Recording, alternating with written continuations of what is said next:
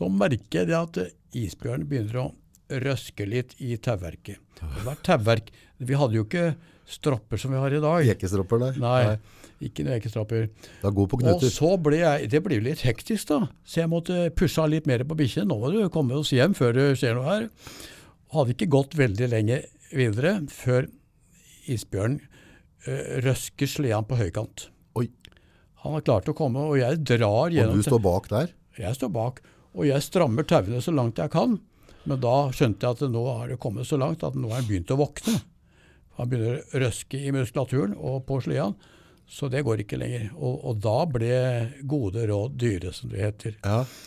Og det var jo 25 minus, men svetten rant av meg også. Jeg husker det, men det var nok også en indre temperatur pga. ja, ja, ja. litt stresset situasjon, for å si det mildt. ja. Og det jeg gjorde, jeg rett og slett dro av meg anorakken og dro av meg ullgenseren på tross av kulda. Så hadde jeg en sledeøks, og jeg surra sledeøksen inn i de plaggene. Og så ga jeg den bjørnen to skikkelig kakk i huet. Wait! Okay, now, from the beginning.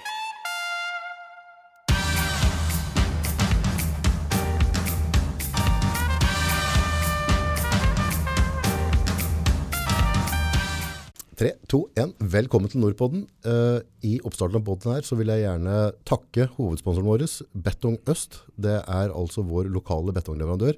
Har også vært vår kunde i, egentlig helt fra starten, og tatt veldig, veldig godt vare på oss. Så Betong Øst er et selskap som betyr veldig mye for oss lokale. Nå har jeg gledet meg voldsomt. Kjell Reidar Hovelsrud. Altså, jeg, den, jeg, jeg bikker nesten over på polfarer, men du, er, du har jo vært på Svalbard i over 40 år. Ja, nei, jeg kaller meg ikke polfarer, jeg gjør jo ikke det. Men uh, jeg reiste jo opp i, opp i isøret etter å ha hatt grunnleggende erfaring i, eh, på fastlandet med hundekjøring. Mhm. Og fikk, var heldig og fikk en uh, jobb uh, gjennom et Ja, altså gjennom Jeg fikk eh, jobb Jeg var en av 20 som ble plukket ut til å være med på en ekspedisjon med levende fangst og forskning på isbjørn. Og det var min lykkedag når jeg fikk beskjed om det. For et eventyr. Du, nå, Kjell Reidar, jeg har lest boka di. Eh, I det jeg tok opp boka, og så begynte å lese, så klarte jeg ikke å legge den fra meg. For en livshistorie, og, og ikke minst god skrivning. Altså, det var bare rett og slett en fryd å lese. Så jeg, jeg, jeg er litt forberedt nå, for å si det sånn. Jeg har, har mange ting jeg lurer på. Men som sagt, den, den boka, det, det er noe jeg virkelig, virkelig anbefaler på det sterkeste. Eh, som sagt, så klarte jeg ikke å legge fra meg boka. Jeg satt oppe til ett i natt og leste bok. Så, så det sier litt om deg som forfatter, og ikke minst livet ditt. Du er jo det alle gutter med en eventyrer i magen drøm er. Altså, du har virkelig levd det livet helt ut, du. Ja, jeg eh, oppdaget fort når jeg gikk allerede på, eh, på tidlig skole, at jeg aldri kom til å leve noe A4-liv. For da var det rett og slett eh, brukte all min tid på å eh, ta med første polarhunden jeg hadde, ut i skauen. Og jeg kom fort inn i hundekjøringsmiljøet. Jeg vokste opp i Bærum, Ja. og der var det mange karer som allerede var aktive med, med hundekjøring. Og det var ambulansekjøring. Det var Ambulansekjøring? Ja, det høres kanskje spesielt ut. Ja, det gjør det. Men det var eh, Den gangen var det ikke Det er langt tilbake nå, da. Jo, jo, jo. Og det er, da var det ikke lov å kjøre snøscooter inn i marka. Nei. Og det er Nordmarka, Bærumsmarka, Nordmarka og, øh, og de omli og, og omliggende områder. da. Og det var mange skiløpere som var ute.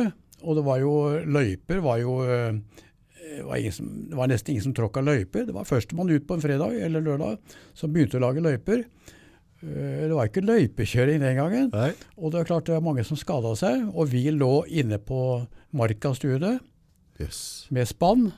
Det var eh, Løvlia, Ringkollen, det var mange av disse stedene som omkranser eh, Nordmarka. Ja. Og eh, fikk beskjed om at det var en skadd, skadd mann i løypa, så måtte vi eh, ut og plukke den opp. Plukke opp vedkommende. Yes. Enten det var frost eller beinbrudd eller hva det var, så var det vår oppgave. Og da måtte vi ta spannførerprøve og vise at vi var kompetente til å klare å, å håndtere hundespann og en skade. Så vi hadde mange eh, ja, førstehjelpskurs og mange kurs. Og var mye på fjellet også for å lære å søke og lære å orientere oss i mørket.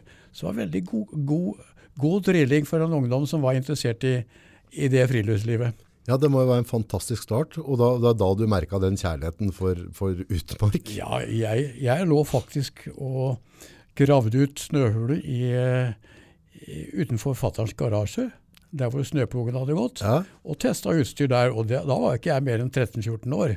Jøsse no. Og test, og jeg, det gikk, jeg, jeg fikk jo litt dilla på det, da. Ja. Å teste utstyr. Ja. Og det var starten på det hele. Yes. Det grunnlaget der det var, det, Og så dro jeg til Finnmarksvidda og tråkka litt i Indre Troms eh, med, med på ski. Og skulle oppleve og jakta litt. Og så ble det Svalbard neste. Gammel var du når du drev med det eh, ambulansesledetjenesten? Du, Jeg kom inn på nåde i trekkerklubben i Bærum, og da var jeg bare Jeg skulle vel ha vært 15 år, men jeg var vel Jeg tror ikke jeg var stort mer enn 13. Jøsse navn. Men jeg var som læregutt. Ja. Da er du læregutt på en spann hvor eh, det er flere hunder og en som er, har erfaring. Og Da går det en læreperiode før du kan lage deg eget spann og gå opp til spannførersertifikatet for å vise at du er god nok til å håndtere en skade. Så det var ofte det at vi var eh, Vi kom ikke hjem før søndag seint på natterstid etter å ha kjørt skader ned til bilvei. Ja. Enten det var Sørkedalen eller det var Lommedalen eller i nærliggende områder mot eh, Ringerike. Og så var det å komme seg hjem da, eh, til slutt. Jøss. Så det var, eh, Og da var ikke noe pappa som henta deg med bil. Nei, nei. Det var det iallfall ikke. Har du kommet deg ut, så får du komme deg hjem sjøl. gå den siste mila veilangs Yes. med hundene og satt igjen redskapen hvis du var seint ute. Kom lenge senere enn den siste bussen var kjørt.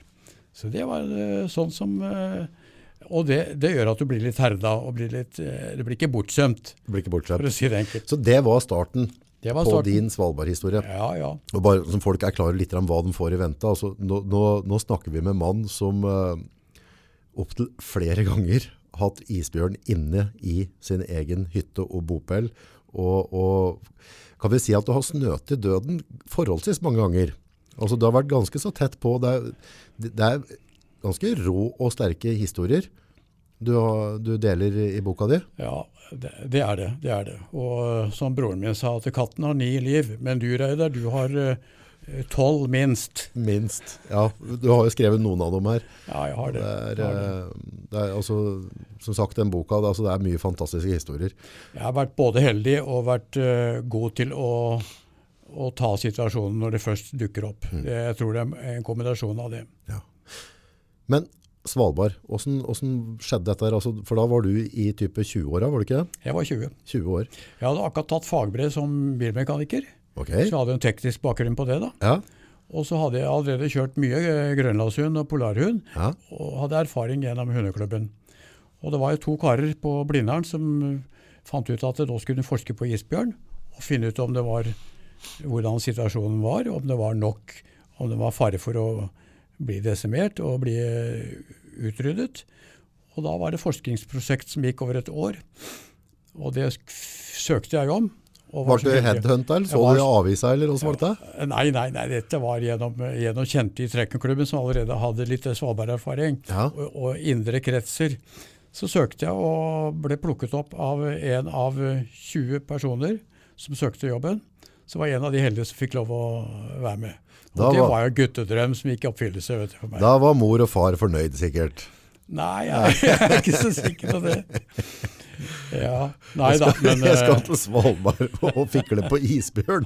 Det måtte være litt oppstandelse i familien da, og Ja. kompisene måtte lure litt på, på Ja. hva er det du egentlig driver med, hva er det du begiver deg ut på. Og det er vanskelig å forklare hva du skal opp i, for det var så ukjent for alle. Ja. Og spesielt familie. Jeg skrev jo noen brever og, og fortalte om hvordan vi hadde det når, vi, når, når jeg hadde muligheten til det. Ja. Selv om det ikke var noe, det var ikke flyplass på, i Longyearbyen den gangen. Det var ikke det? Og det var heller ikke helikopter stasjonert. Nei. Så vi var helt isolert i 14 måneder. Eller et år, 14 måneder jeg, lå jeg der da. Når vi snakker isolert nå, folkens, så var det ikke iPad, ikke var det iPhone, og ikke var det e-mail eller YouTube. Altså isolert, da var det ikke noe kommunikasjon. Ja, vi hadde en radiosender og en mottaker, Ja. og den funka inntil den spolen brant opp Ja. i senderen. Og da, det var innunder juletider, så vi, vi fikk ikke flydrapp flydropp eller noen ting som vi hadde håpet på. Men, men reisa, altså du kommer fra Oslo, så klart, nå har du allerede begynt å bli herda og vært mye ute i, i skog og fjell. Men eh, seila du opp med båt, eller hvordan kom dere til Svalbard? Og hva var det som bevegde seg i huet ditt da, når du var 20 år gammel?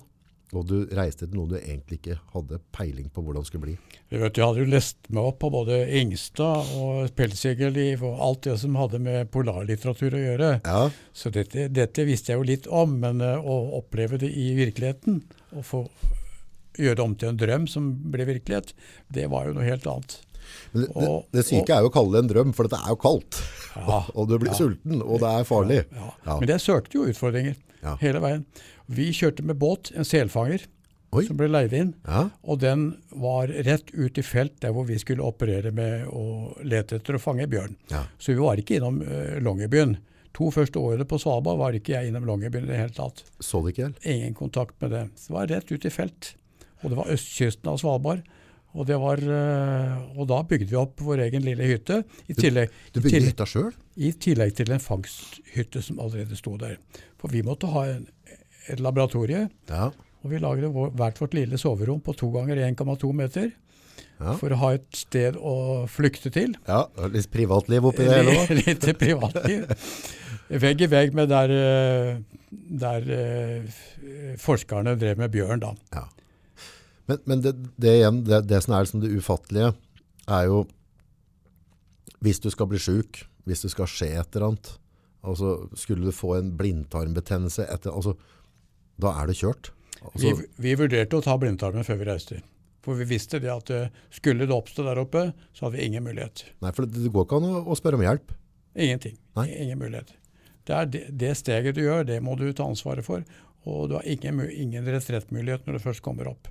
No return. No Men- return. Men du måtte da, altså det må være noe adrenalin. Altså når, når, når båten går inn, og du går på land, og du vet at nå er det altså 14 måneder, over et år, det er ikke noe rett-rett-mulighet. Nå er det for sent. Altså, du måtte kjenne litt, at det kribler litt. Tenkte ikke på det. Tenkte ikke på det. Nei, tenkte ikke på det. Jo større utfordringene var, jo bedre var det. Og når vi møtte isen, når vi kom fra eh, der hvor det ikke var is, da, fra Tromsø og nordover, og først møte på isen da vi var i nærheten av nord for Bjørnøya, Ja.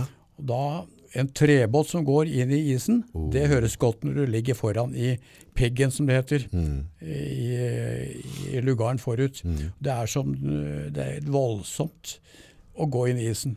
Og da våkner du. Du skal ha et godt sovehjerte for å ligge i en sånn stikklugar Ja, eh, i, i, i dårlig vær. Og også, altså, da skal du stole på skipperen din.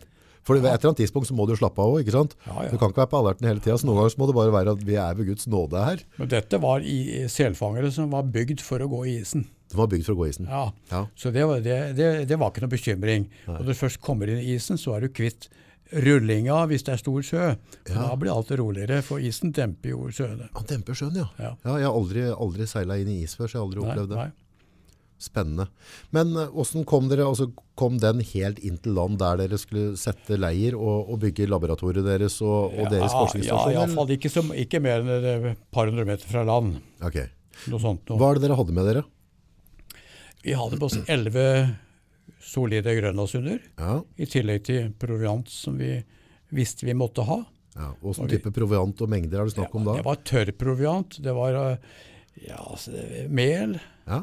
Og alt som, eh, som var tørt. Altså, vi bakte og, og lagde de tingene vi skulle. Hundrevis av kilo, eller? Ja, det var noen, det var jo noen kilo, da. Eller baserte dere mye av kostholdet på hva dere kunne hente sjøl ut i Ja, naturen? også. Begge deler. Det var kombinasjonen av det. Ja. For det, det, det blir kanskje vanskelig å, å ha med seg nok proviant for å være Ja. 14 måger hvis ikke du fyller Ja. på litt underveis. Ja. Nei, det var tør, tør, tørket mat. Tørka mat. Ja. Det ble ikke bortskjemt. Jeg regner med at du er ikke vannu. Altså Hvis jeg er på Hedmarken, du spiser det som kommer på asjetten hvis du er sulten. ja, jo iallfall det da. Ja. har, du, har du hørt litt mer fint på det da? eller eh, Nei, jeg, jeg, om jeg ikke er altspisende, så er jeg ikke så kresen. Jeg er vel ikke det. nei, og blir, og når du kommer til punktet du er sulten, så tipper jeg alt går ut av vinduet. Da spiser du det som er Ja, jeg, har næringer. jeg har prøvd å sulte, så jeg vet hva det er for noe. Du vet hva det er for noe. Men da kommer dere i land. Dere har provianten. Dere har med de hundene dine, eller deres, grønlandshunder.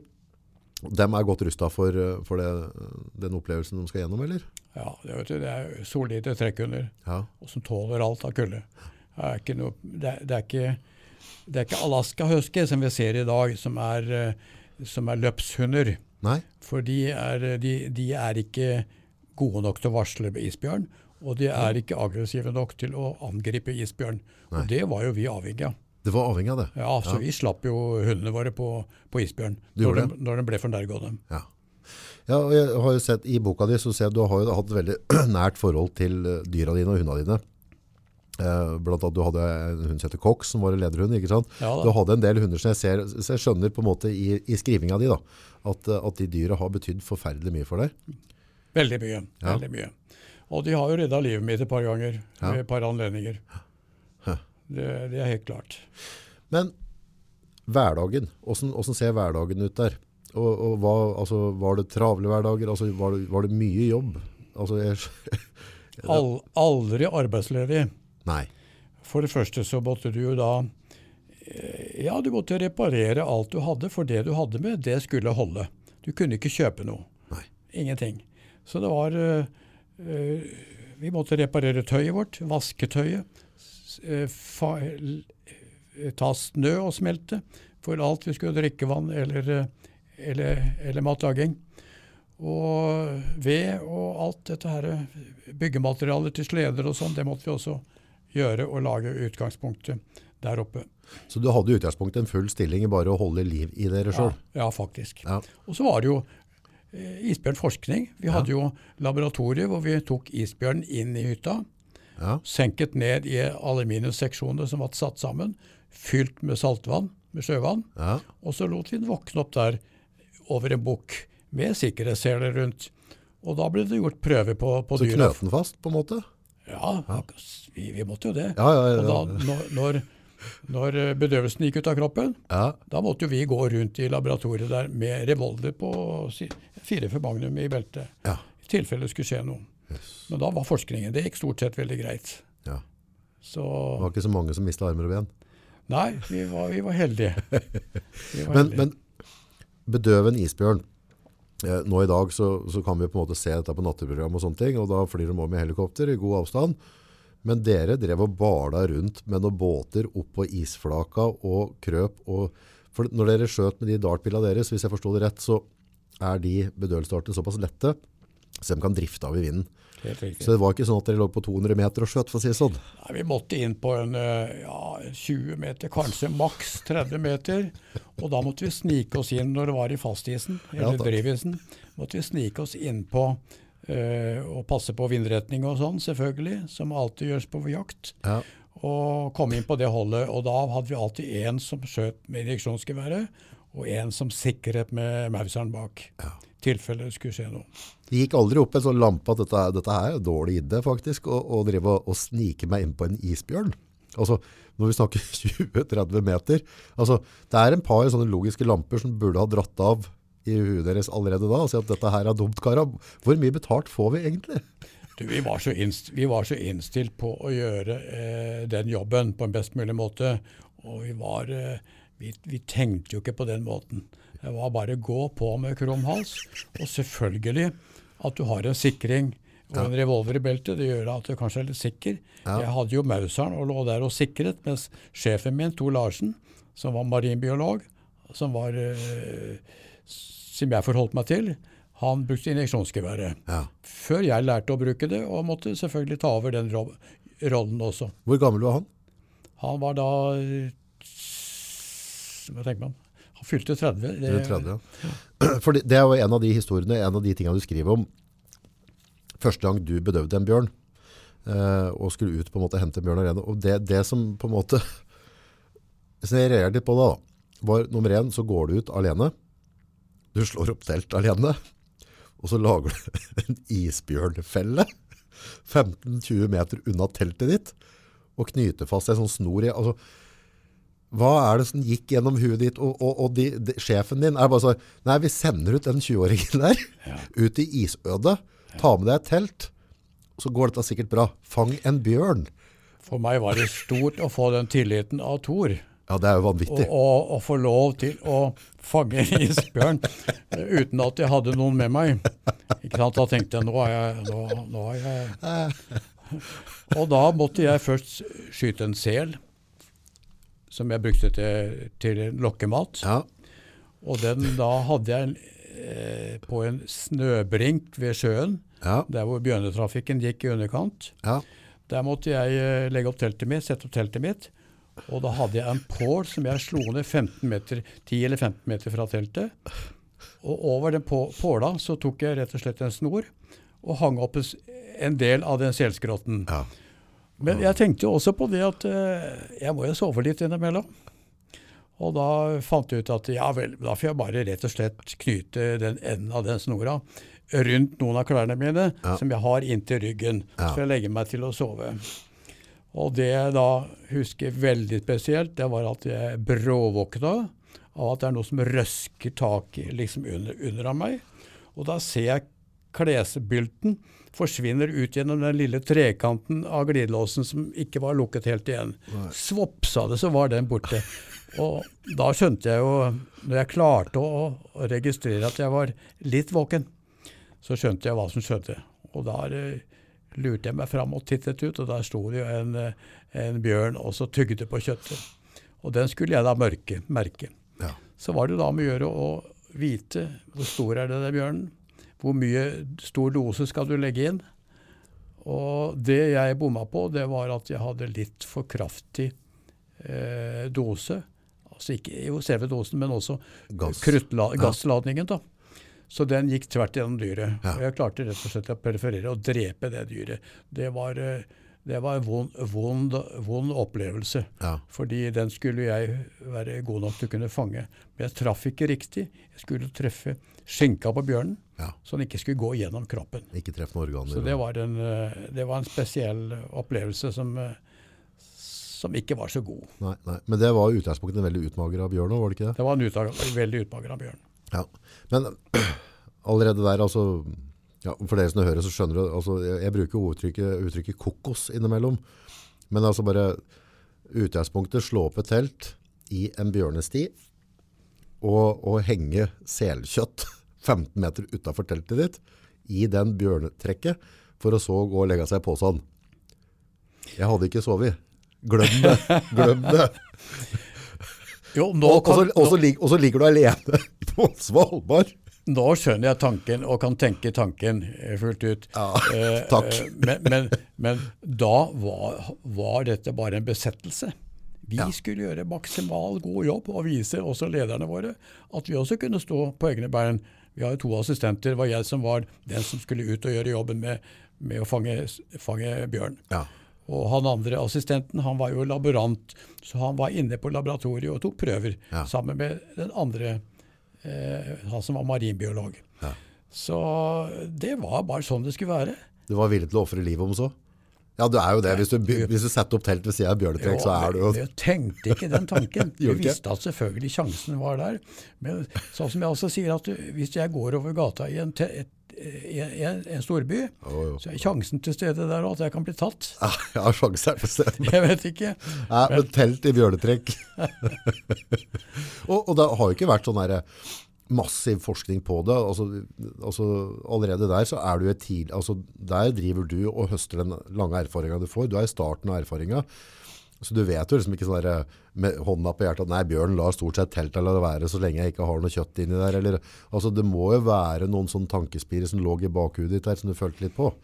Ja, Først og fremst at forskningen var spennende fordi det var veldig lite vi visste om isbjørn verden over. Og derfor sånn dere var der, rett og slett. Arktisk globalt så var det veldig liten viten.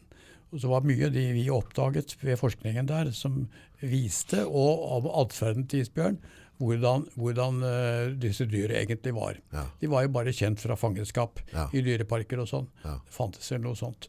Så det var en utrolig spennende opplevelse. Og, en ting som er sikkert det er at når det gjelder isbjørn, det er at ingenting er sikkert. Nei, ingenting er sikkert. Det Ingenting er sikkert. For du kan være en som løper som bare pokker for å komme vekk fordi den føler en fare, og, og den er redd for et menneske. Og så er det de som er sultne eller nysgjerrige og aggressive, som kan komme rett på deg. Og da kan det fort skje. hadde en forskjellig personlighet òg, føler du? Ja, Ja. ja, helt klart. Og det har også med, også med alder og øh, atferden har jo også med alder selvfølgelig å gjøre. Ja. ja, jeg ser du skriver litt i boka om det forhold til det med at eh, yngre bjørner, som på en måte ikke har røkket og blitt gode jegere, eh, at de kunne kanskje være noe mer aggressiv med tanke på at de hadde litt mer sult. Og, Det er de man skal passe seg mest for. ja, Og det sikreste er jo å holde avstand. Hvis man er i bjørn. Men øh, vi kunne, vi, holde avstand. vi Du driver og kryper tenke- 20-30 meter. Altså. Vi kunne ikke tenke det. Nå snakker jeg generelt. Ja, ja, Hvis det er en turist som kommer opp i et bjørneområde på Svalbard, så er det om å gjøre å holde avstand. du har en sånn koronaregel du på isbjørn, så Ja. to meter så er det bra, liksom. Ja. Nei da, men vi, vi klarte Vi tenkte ikke sånn. Vi var innstilt på at eh, altså vi tenkte ikke på at vi kunne ofre oss for forskningen. Nei. Eh, Det er mulig eh, lederne våre hadde mer den tanken i hodet, for dem skulle ha en karriere på dette og Resultater, håpe at de overlevde Ja. og kunne fullføre karrieren. Nei, altså, ja, nei. Men, men en ting er jo isbjørner, og du, du er jo akkurat i startfasen, og at du var det vi kaller nå i dag, en daredevil, altså at du, du var en eventyrer. Altså, og derfor er jeg på en måte nesten, altså derfor detter inn i polfarer, jeg vet at du har ikke drevet på pol, men poenget er at du har jo drevet med banebrytende ting som veldig, veldig få mennesker eh, har fått æren av og hatt nervene og psyken til å gjøre. Og det er derfor det er så fantastisk lesning på en måte, for det, du har, jo, al- altså, du har jo alle de sidene jeg kunne tenkt meg å ha sjøl. Eh, den, den staheta, den argheta og den, den evnen. Eh, og det, det er utrolig, utrolig fascinerende. Men vi alle har vært på, på gutteturer og hengt med noen kompis en tre-fire-fem dager på ei hytte. Eh, og ofte så kan på fem, dag fem, at du kan, da, da, da har vi fått nok av kompiser kanskje, det er greit å komme litt hjem igjen. Men her var det da fire gubber i ei hytte på noen og tjue kvadrat eller et eller annet, eller hva det var. Det var forholdsvis lite i hvert fall. Veldig, eh, og vi kan droppe strøm, vi kan droppe nyheter, radio, du har jo sikkert bøker, og så skal vi legge av litt kulde og litt sult og litt tungt arbeid på det hele. 14 måneder. Ja, det var jo tolv måneder i utgangspunktet. Eh, en og jeg var igjen to måneder ekstra Ja. for å passe noen hunder til noen som skulle overta dem. Ja. Men det er ikke poenget. Det, var, det som var viktig, det er at vi hadde gode programmer for hva vi skulle gjøre. Altså eh, rutiner. En dag så hadde jeg eh, en uke med, med, med kjøkkenstell, og da var det jo, skulle jo lage maten til gutta og passe på at det var fyr i ovnen og disse tingene der, og fòre hunder. Det, det var en rutine. Men To Larsen og jeg, han som var min leder, vi var jo ute for å fange bjørn til de to som var igjen på laben. Yes. Og, da, og dem hadde jo mer enn nok med forskningen sin der, og holde det hele i gang. Og vi hadde mer enn nok med å oppsøke bjørn, komme inn på hold og fange dem, kjøre dem tilbake til campen med, med hundeslede. Og, og vær så god, overleve pakken til, eh, til gutta på laben. Ja. Men det var jo ganske mye spennende rundt det, så vi hadde aldri tids al- al- Aldri eh, noe problem med å få Lediggang. tiden til å gå lediggang. Det fantes ikke. Nei, for, for et uttrykk som har vært brukt, brukt mye som jeg tror mange i min alder ikke forstår, og det er noe som heter brakkesjuka. Og er det på en måte, du kan forklare oss litt om den brakkesjuka, men du sier det med rutiner, er det noe du jobber aktivt med, at du har gode rutiner for å ikke få brakkesjuka? Ja, ja altså jeg tror det. Hvis du har et engasjement som er interessant, det er et godt utgangspunkt. Og hvis du deler opp, vi var jo fire mann, og to, øh, vi to var fra hverandre, mer fra de andre. Fordi vi var ute i felt nesten mesteparten av tiden. Og når vi ligger i, i telt, så har vi ikke tid å, og anledning til å gå hverandre på klingen noen ting. Det er mer enn nok. Hunder skal ha mat, fôres, du skal parkere bikkjene gjennom uh, i, i mørketid eller, Du skal eller på, overleve. på våren. Du skal overleve, og du skal lage maten. Og ikke aller minst, etter å ha gått en fire-fem-seks mil, så har du lyst til å sove og bli rusta på å klare å komme opp neste dag for å gjøre neste tur. Ja. Aldri. Vi hadde aldri noe Vi hadde det veldig trivelig sammen. Og når vi kom tilbake til campen og traff de to andre, så var vi fire sammen. Ja. Og vi kunne være værfaste i noen dager sammenhengende. Og da hadde vi flere aktiviteter. Vi hadde fått bokkasser med fra Deichmanske, som var utrangerte bøker. Og fikk lest oss opp på både polarlitteratur, Sydhavsøyer, mennesker som fartet, Ja. og jeg leste hele Hamsuns samlede verker. Ja. Så det ble veldig variert. Og to av oss gutta vi spilte sjakk. Oh ja. oh, Og, og så flott. så lenge så lenge radiosenderen fungerte, Mm. så hadde, spilte vi sjakk faktisk med Bjørnøya radio. Oh. Hver søndag så klarte vi å treffe dem og gjorde et, hvert vårt trekk. Så det dro jo i langdrag. Men det var litt sånn morsomheter, da. Er ikke sjakk et fantastisk spill? Veldig, helt fantastisk. Ja, det, er altså, det åpner opp kanaler i huet som du ikke visste du hadde. Og tiden eksisterer ikke lenger. Jeg blir helt bort. Du kan sitte Helt her timevis. Ja, Ja. helt fantastisk. Men, men brakkesjuka, forklær litt. grann, Altså, du, du har jo sikkert sett noen eksempler av det tidligere med andre, andre som Ja, har vært der ja, oppe. jeg vært hva, hva, hva skjer? Hva, hva er brakkesjuka? Når dørstokkmila blir for lang. Eh, Det er tiltak. Det blåser ute, det er kaldt ute. Du vet du må ut og fôre bikkjene, f.eks. Og så legger du deg til i, i senga, og så har- kvier deg for å stå opp. Det er mørkt ute, og det er kaldt. Og, og du blir mer og mer tulla inn i en sånn Ja, men jeg behøver jo ikke. Jeg må bare ut og fôre bikkjene. Så blir det da den dørstokkmila, som jeg bruker å kalle det, den blir lengre og lengre. Og så kan du ligge ligge i senga faktisk og bli apatisk. Så det er noe som skjer Du med mister gnisten. Mister helt gnisten. Ja. Tiltaksløs, og det har jo skjedd mange, det. Det er jo krise hvis et teammedlem får dette der, for det, Ja, ja. det ødelegger Men det får vi ikke anledning til. Nei. Det blir sparka opp av, av køya ganske fort. Nei, det, det, Det, du slipper ikke til uh, brakkesjuka. Eksisterer ikke rundt det har skjedd mange. Ja, Ja og da. fått seg tupp i ræva. Ut. Men du prater om, altså, dere er ute da på ekspedisjoner. En, en typisk altså, eh, utgangspunktet, altså dere bedøver en bjørn, og så kjører den inn at det høres liksom at du tar en handlekur, og så henter en bjørn. Men altså, hvordan, altså, hva må du ha med deg av utstyr? Altså, har du sånn at dere tenkte at vi kan bli sittende værfast, vi må ha reservemat, og hvordan i huleste, altså en bjørn, det er, det er jo ikke en kongepuddel. Du skal, hvordan får du dette på sleda? Og er du usikker på om den søv? Lurer den deg egentlig? Ligger den og later som at den søv? Du har gode spørsmål, og det setter jeg pris på. Jeg må nevne en episode da. Tor, som var sjefen min, han hadde ligget på en plass som heter Halmonøya, en gammel fangststasjon tilbake i tid. Og vi hadde hovedstasjonen på Adretangen, og det var vel eh, bortimot et par mil imellom. Eh, noe, noe der omkring. Og han hadde vært på Halmonøya og klart å bedøve, eh, klart å, å komme inn på hold på en isbjørn, og bedøvet den. Og jeg kom da faktisk mer eller mindre tilfeldig med hundespannet for å besøke han. Det var delvis avtalt, men at han akkurat da hadde bedøvet en bjørn, det var ikke jeg klar over. Så da var det min jobb å frakte den store, tunge eh, hannbjørnen på drøyt 400 kilo opp på Eskimosleden. Hvordan gjør den det, rent teknisk? Bruker du, Du- noen stolper, eller åssen Nei, du, altså, du, du kan godt eh, Hvis du klarer å grave Eskimosleden ned, og så dra bjørnen opp inn på sleden, så har du løst problemet veldig lett. Men det er Ah. Ikke alltid det er mulig. Nei, Men uh, to mann, vi klarer stort sett å, å, å få det til. Uh, drar den i øra og halen. du må jo dra den i øra og halen, ja. Men hvis du legger Og da står du på at hvis du legger Eskimo-sleden på, øh, opp på, på flasken, som vi sier da, Ja, og klarer å, å binde bjørnen inntil sleden, litt teit, så kan du få et, et moment hvor du klarer å vippe den over. ja. Det, det, er, det er mange måter å gjøre det på. Det er jo også en ting. Men 400 kilo, altså, øh, ja, det, er- jo ikke letthåndterlig. Nei, og jeg hadde da Men hva skjer når han vå- våkner? Han må jo våkne på sled her. ja. Nei, la meg fortelle videre. Jeg skulle frakte den da, det var vel en, eh, en eh, bortimot et par mil. 15 km fra der han hadde tatt bjørnen. Ja.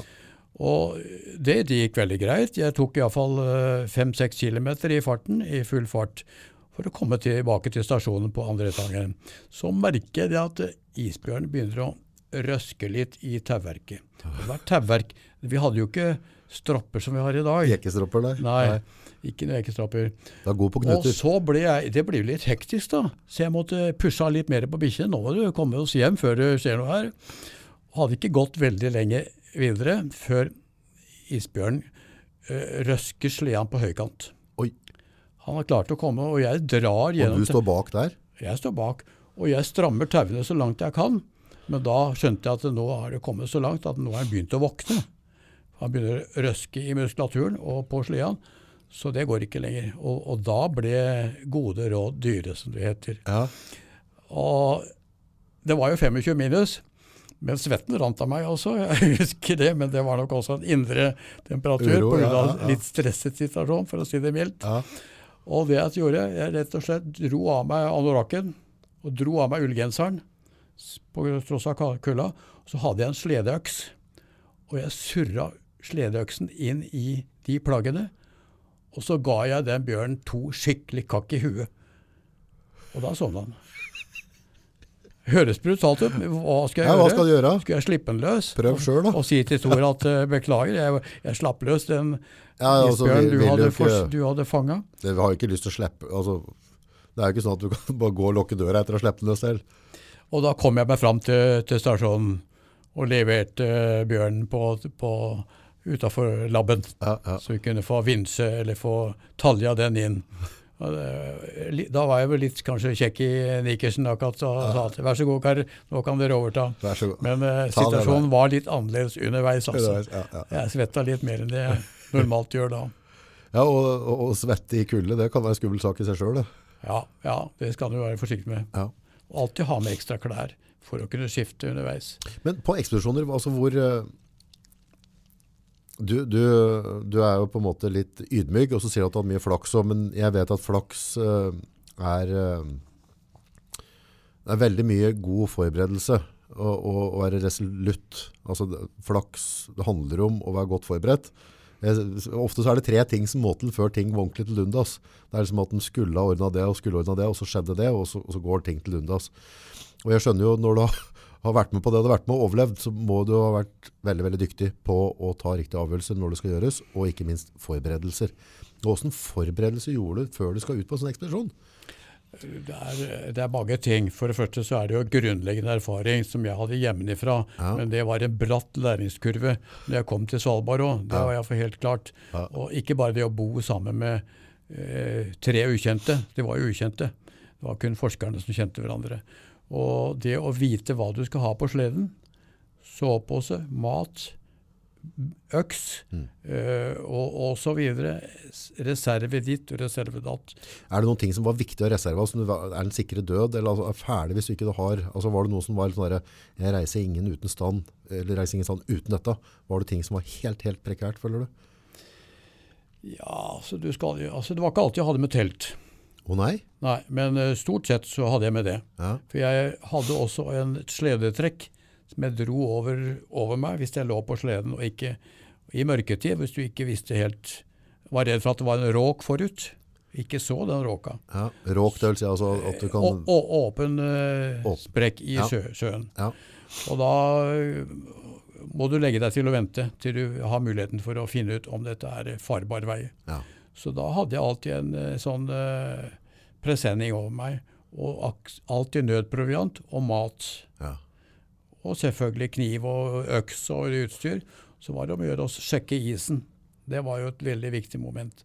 Å vite hvor Hvordan sjekker du isen? Nei, det gjør du med en øks. Ja. Så bare hogger? Øks. Ja.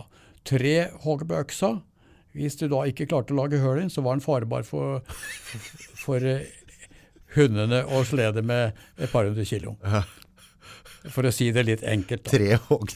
Tre gode øks med hogg med, med skarp øks. Ja. Kom du ikke gjennom isen da, så kunne du bare i farten. Her er det bare å reise, folkens. Ikke tenk på det. Vi hadde ikke med isbor og sånne ting på Nei, nei. sånne anledninger. Nei. Det er begrensa hva du kan ha med deg. Ja, for altså, det tar jo plass av mat og andre ting, ikke Ja, det er vekt. Ja, det Det er vekt. vekt. Vi kunne nok frakte ganske tunge, tunge altså en, en bjørn på 400, 400 kilo. Det var jo det vi mak maksimalt opplevde. Og når vi veide dem oppe i 530 kilo, tror jeg er den største, Mm. eh, på 11 hunder, eller på 5-6 hunder, det går greit. Ja. Så lenge det ikke er veldig vanskelige og bratte forhold. Ja. Og det er jo stort sett på isen vi kjører, Ja. og det er det skruisen å komme seg gjennom. Ja, for det er det- der, der isen på en måte møter hverandre, og så lager den sånn. Ja. Og det kan være trøbbel. Ja, og det er ofte press utenfra på, eller unnifra, hvor det er eh, grunner hvor isen skrur seg opp. Å, så kommer det ofte på grunnene. Ja. Jøss, det var ikke klar over. Eller det er selvfølgelig eh, forholdene med vind og, vind og, og, og eh, tidevann og sånne ting. En annen ting jeg tenkte mye på var, altså nå i dag så, så vi har jo GPS på klopper, klokker alt sånn her nå.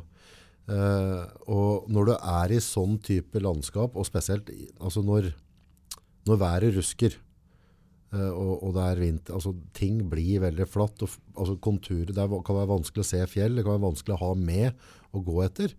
Eh, altså å navigere med kompass og samtidig, la oss si at du er i en presset situasjon da, og ser at nå, nå må jeg strengt talt komme fram innen den og den tida i forhold til proviant eller hva som det skal være, og stole på den kursen du har satt. Altså det Ja. må være en treningssak. Ja, treningssak det er også, også et godt spørsmål, for å si det sånn. Ja. Uh, nå hadde, vi, hadde jeg lært å navigere, og vi kunne vel en del om det, både selvfølgelig kart og kompass, men det å navigere i åpne eh, forhold, hvor du ikke har holdepunkter som, som vi har her hjemme. Ja. Så det er klart at og på lengre turer så var vi oftest to mann. Ja. Det var vi alltid når vi var på lengre turer. Ja. Og da hadde vi en mann foran, og en, en som gikk bak med sleden. En som gikk foran og tok ut kursen. Eller jeg styrte. Jeg kom bak med hundene Ja. og styrte med kompasset sitt. Tor, Ja. nå går du, har det gått litt for langt til vestover eller til venstre. Ja. Eh, så nå må du eh, Så kompasset ble brukt flittig. Ja. Ja. Og den lå under, under skistaven. Så det var lettvint å ta den opp. Å Og ja, så, så du hadde festa den til ja, du kunne sikte deg framover ah. mens du gikk. Så det var veldig kjapt å ta et kurs ja. og si at du hadde rett kurs. For det er jo fatalt altså hvis du tar ut feil kurs. Du skal, altså, du skal over til en av de eh, provosoriske hyttene eh, og søke ly. Du vet det kanskje er både ved og det er mat der. Ja. Og så bommer du på kursen der. Altså, Men stort sett så var vi jo, fulgte vi langs land. Altså ikke på land, men eh, sjøstripa rundt og på, på nært land. Ja. Stort sett gjorde vi det. Ja. Og da hadde vi, kjent, da hadde vi fjellet og kjente punkter i, på land. Og vi, vi hadde jo varder også som vi satte opp der hvor vi hadde levende feller. ja. Så vi hadde, vi hadde og, og etter hvert så ble hundene så drilla med, og gode til å navigere at de stoppa automatisk hvis ikke jeg så fella. Oh. Så jøss, hva er det stoppe for nå, tenkte jeg. Så gikk jeg fram til, til føreren min og sa å ja, der lå fella tre meter unna. så fantastisk. Hvis det var bekmørkt og, og dårlig vær og ikke så. De var, ble så drilla på hva de skulle. Så det var eh, fantastiske hjelpemidler, disse hundene. Ja, for mørketida den er, eh, den er å bli ganske brutal. Ja da. Uh, og vi sørpå her, vi på en måte, vi har jo, er det 23. desember, så snur sola vår, og da føler vi at ting letter. Men uh, kommer vi litt lenger nord på kula, så er det mørkt. Da er det mørkt. Det er det mørkt. Og det er avhengig av hvis, er, det er nordlys eller fullmåne. Det er fullmånen vi gikk på når vi skulle ut og være aktive, mest aktive. Okay. Men da er du avhengig av at det er godt vær. Ja, så For, for uh, I mørketid og dårlig vær, da har du ingen uh, nytte av, uh, av månen heller. nei. Nei, da, da er den jo borte. Selvfølgelig. Ja. Brukte dere stjerner å navigere etter? Ja, det gjør vi også. Ja. Det er en sånn, uh, bort, eh, den kunsten å navigere til sted. Det kunne jeg tenkt meg lært meg. Det er, det er veldig Så er også avhengig, veldig avhengig av godt vær. Ja, da, ja, man trenger været. Og det er ikke alltid på Svalbard. Det er ikke alltid på Vet du, Svalbard. Når du tar av med en sterk kuling, så, kår, så, føyke, så er føykesnøen opp i over en meters høyde allerede. Ja. Og litt mer så ser du ingenting. Du nevner føykesnø, uh, og der igjen, altså, i, i mange av historiene så, så snakker vi at du, det, har på en måte vært værfast i orkanstyrke. Eh, og orkanstyrke, folkens, det er brutalt. Altså, dem som ikke har vært uten orkan, dem vil bli veldig, veldig sjokkert, og kanskje traumatisert i etterkant, hvis de ser egentlig hvor sterk moder jord er for orkanstyrke. Det er, det er ikke gitt at du klarer å holde deg på bakken engang. Da er det nådeløst. Da har jeg lyst til å nevne en historie en, eh, på en av lang, langturene vi hadde. Tor og jeg, vi var borte i ja, vi var vel borte i halvannen måned, tenker jeg, eh, på fart. Og da måtte vi selvfølgelig både jakte underveis og, og forholde oss efter det. Og da var vi, kom vi til en liten gammel, gammel fangsthytte. Og det var ikke før et gått mange timene etter at vi kom dit. Da hadde vi kryssa en fjord som var ni mil lang. Ni mil tvert over Storfjorden. Det er, eh, Fra, altså, det er nesten fra herfra til Oslo. Kvalpynten, som det het, over mot Agar. Det er, ganske, det er ca. ni-ti mil vi regner med. Det er. Heldigvis så kom vi til land på andre sida før det stormværet brøyt ut. Og det var, var så ille at jeg klarte ikke å gå ut og fòre hundene som lå bare ti meter utenfor hytteveggen. Det var ikke teknisk mulig å Det var ikke teknisk mulig. Jeg prøvde den ja, den tredje dagen eller fjerde dagen. Da hadde vi målt orkanstyrke, og det var sy mellom 27 og 33 kuldegrader. Og det blir en ganske tøff kombinasjon. Ja, når du får på orkan, da, da snakker du kan være 30-40 sekundmeter, ikke Ja, sant? vi har, det, det var nok nærmere 40 sekundmeter i kastene. Da er det rett ved hytta løsner fra bakken. Ja, det, det kan du godt si. Men jeg bandt jo tau rundt livet mitt i bislaget i ytterrommet. Og prøvde å gå ut for å fôre bikkjene. Og da ble jeg rett og slett løftet fra bakken. Og hadde mer enn nok med å dra meg tilbake, for du ser ingenting. Jeg fant ikke bikkjene Du engang. klarer ikke å få puste heller omtrent. Det Nei, blåser vekk fra lungene. Gjennom en tjukk balaklava-lue, altså en tettvevd dobbelt eh, ull, ullmaske Mm. og vindmaske, så var det akkurat som å kjenne sånn Det som å få en sånn sveiseflamme, Ja, ja. eller så ekstrem. Så vi fikk ikke puste. Så da var det bare å krabbe seg inn for meg og la disse stakkars dyra få lov å ligge aleine ute en uh, halvannet døgn til før jeg klarte å komme ut. Og, og de stakkars bikkjene, de er tøffe. Så det er kanskje feil å stakke kalle dem stakkars, men de hadde fryst fast i bakken. Frøse fast i Frøs bakken. fast i bakken. Og Altså potene, liksom? Jeg måtte rundt hele som et skall, som en sånn osteklokke.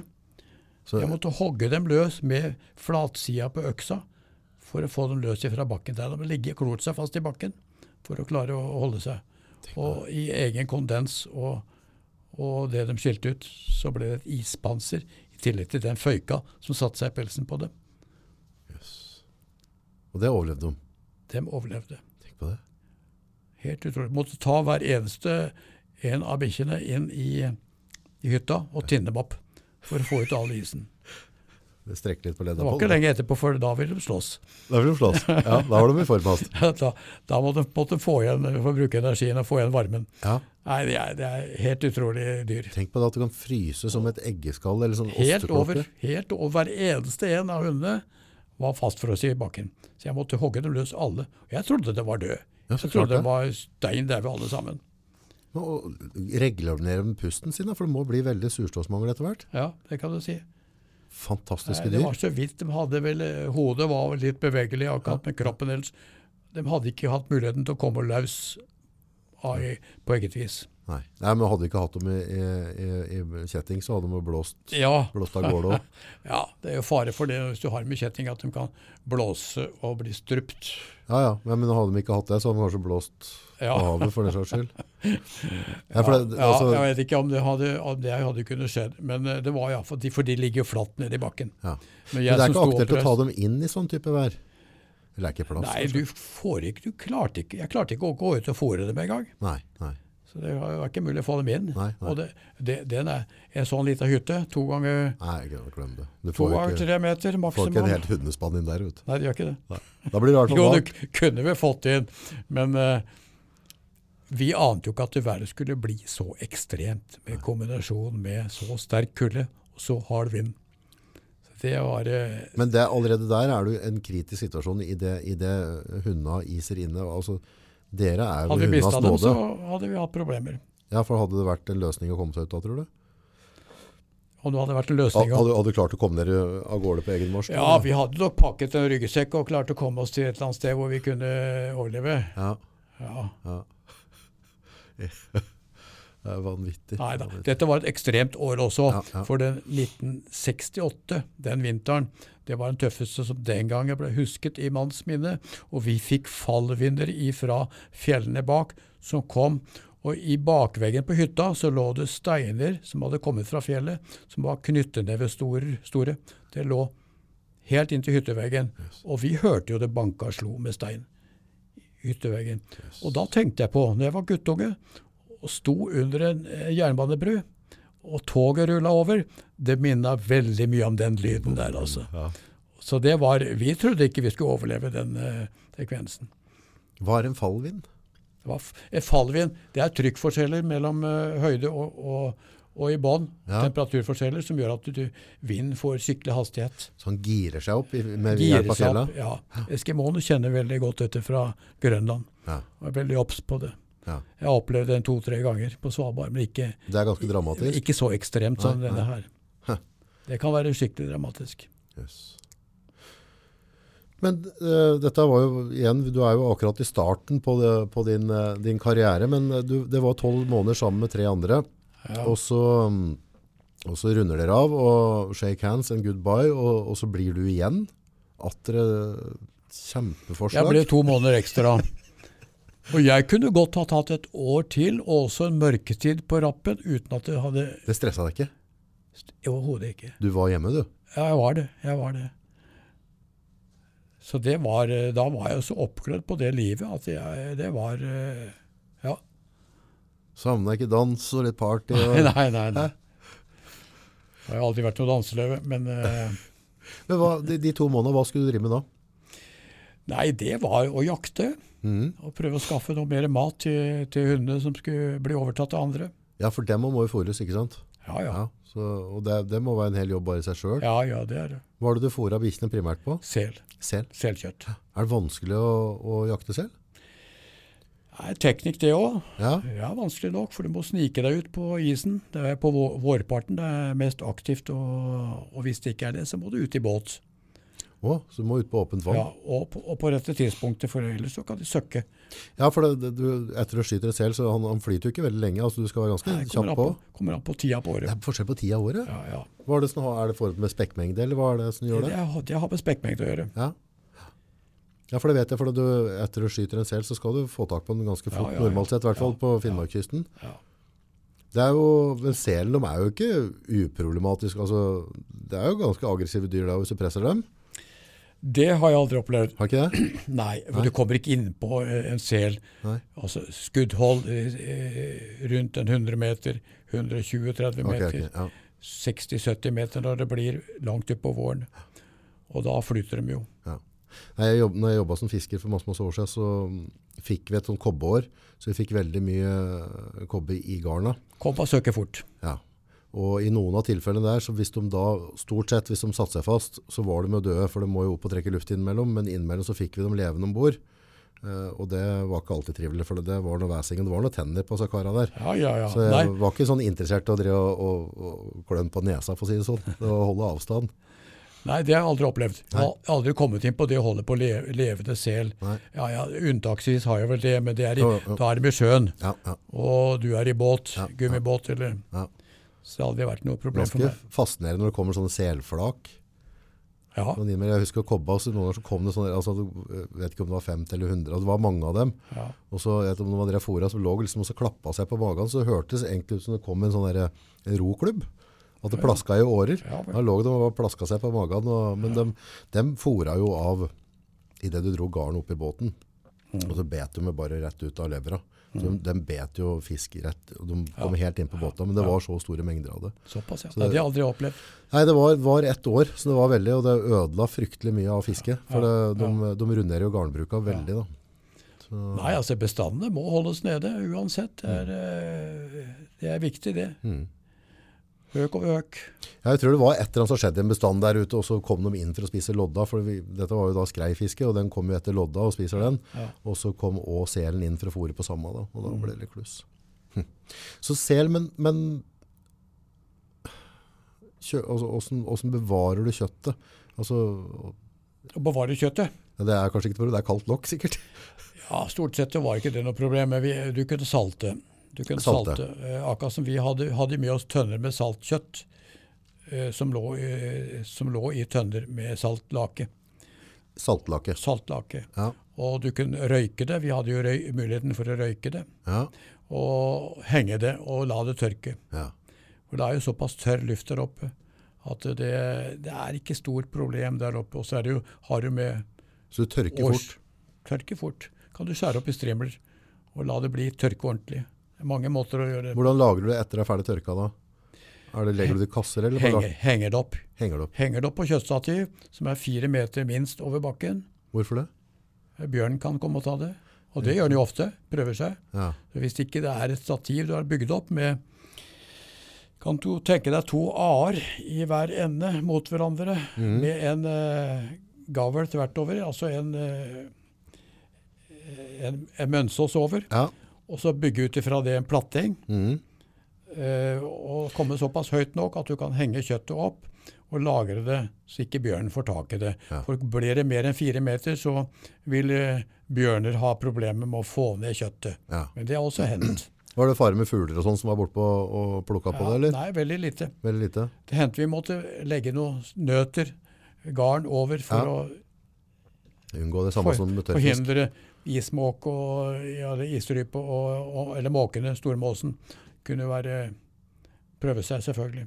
Men det, det liksom sånn, du, du ber jo allerede om trøbbel i det du driver og, så, og lager det flotte kjøttlageret utafor bopellet ditt i Ja, ja, ja. bjørne. Det er, Du ber om besøk. det er møtepunkt Det er for. Isbjørnklubben. Ja. det er jo det. Men etter de to månedene der, hvordan, hvordan utvikla videre karriere seg? Jeg ble, eh, var ikke så lenge nede før jeg fikk nye oppdrag. og det var, eh, Da fikk jeg oppdrag gjennom Fina-gruppen. Ja, Fina Og er det ikke så mange som husker, men det var nei, en oljeselskap Ja. som skulle ha, for dem hadde, hadde utstyr som man hadde, hadde plassert- på Svalbard. Ja. Bl.a. En, eh, en liten Wiesel, en liten uh, Muskegg beltebil, Mm. pluss noe annet. Og det skulle vi som var, skulle fangste, passe på. Ja. Og vi fikk litt godtgjørelse for det. Og da lå vi, ble det en ny overvintring. Allerede i 1970 så ble det ekspedisjoner med båt oppover til Spitsbergen for å ta utmål for Fina-gruppen.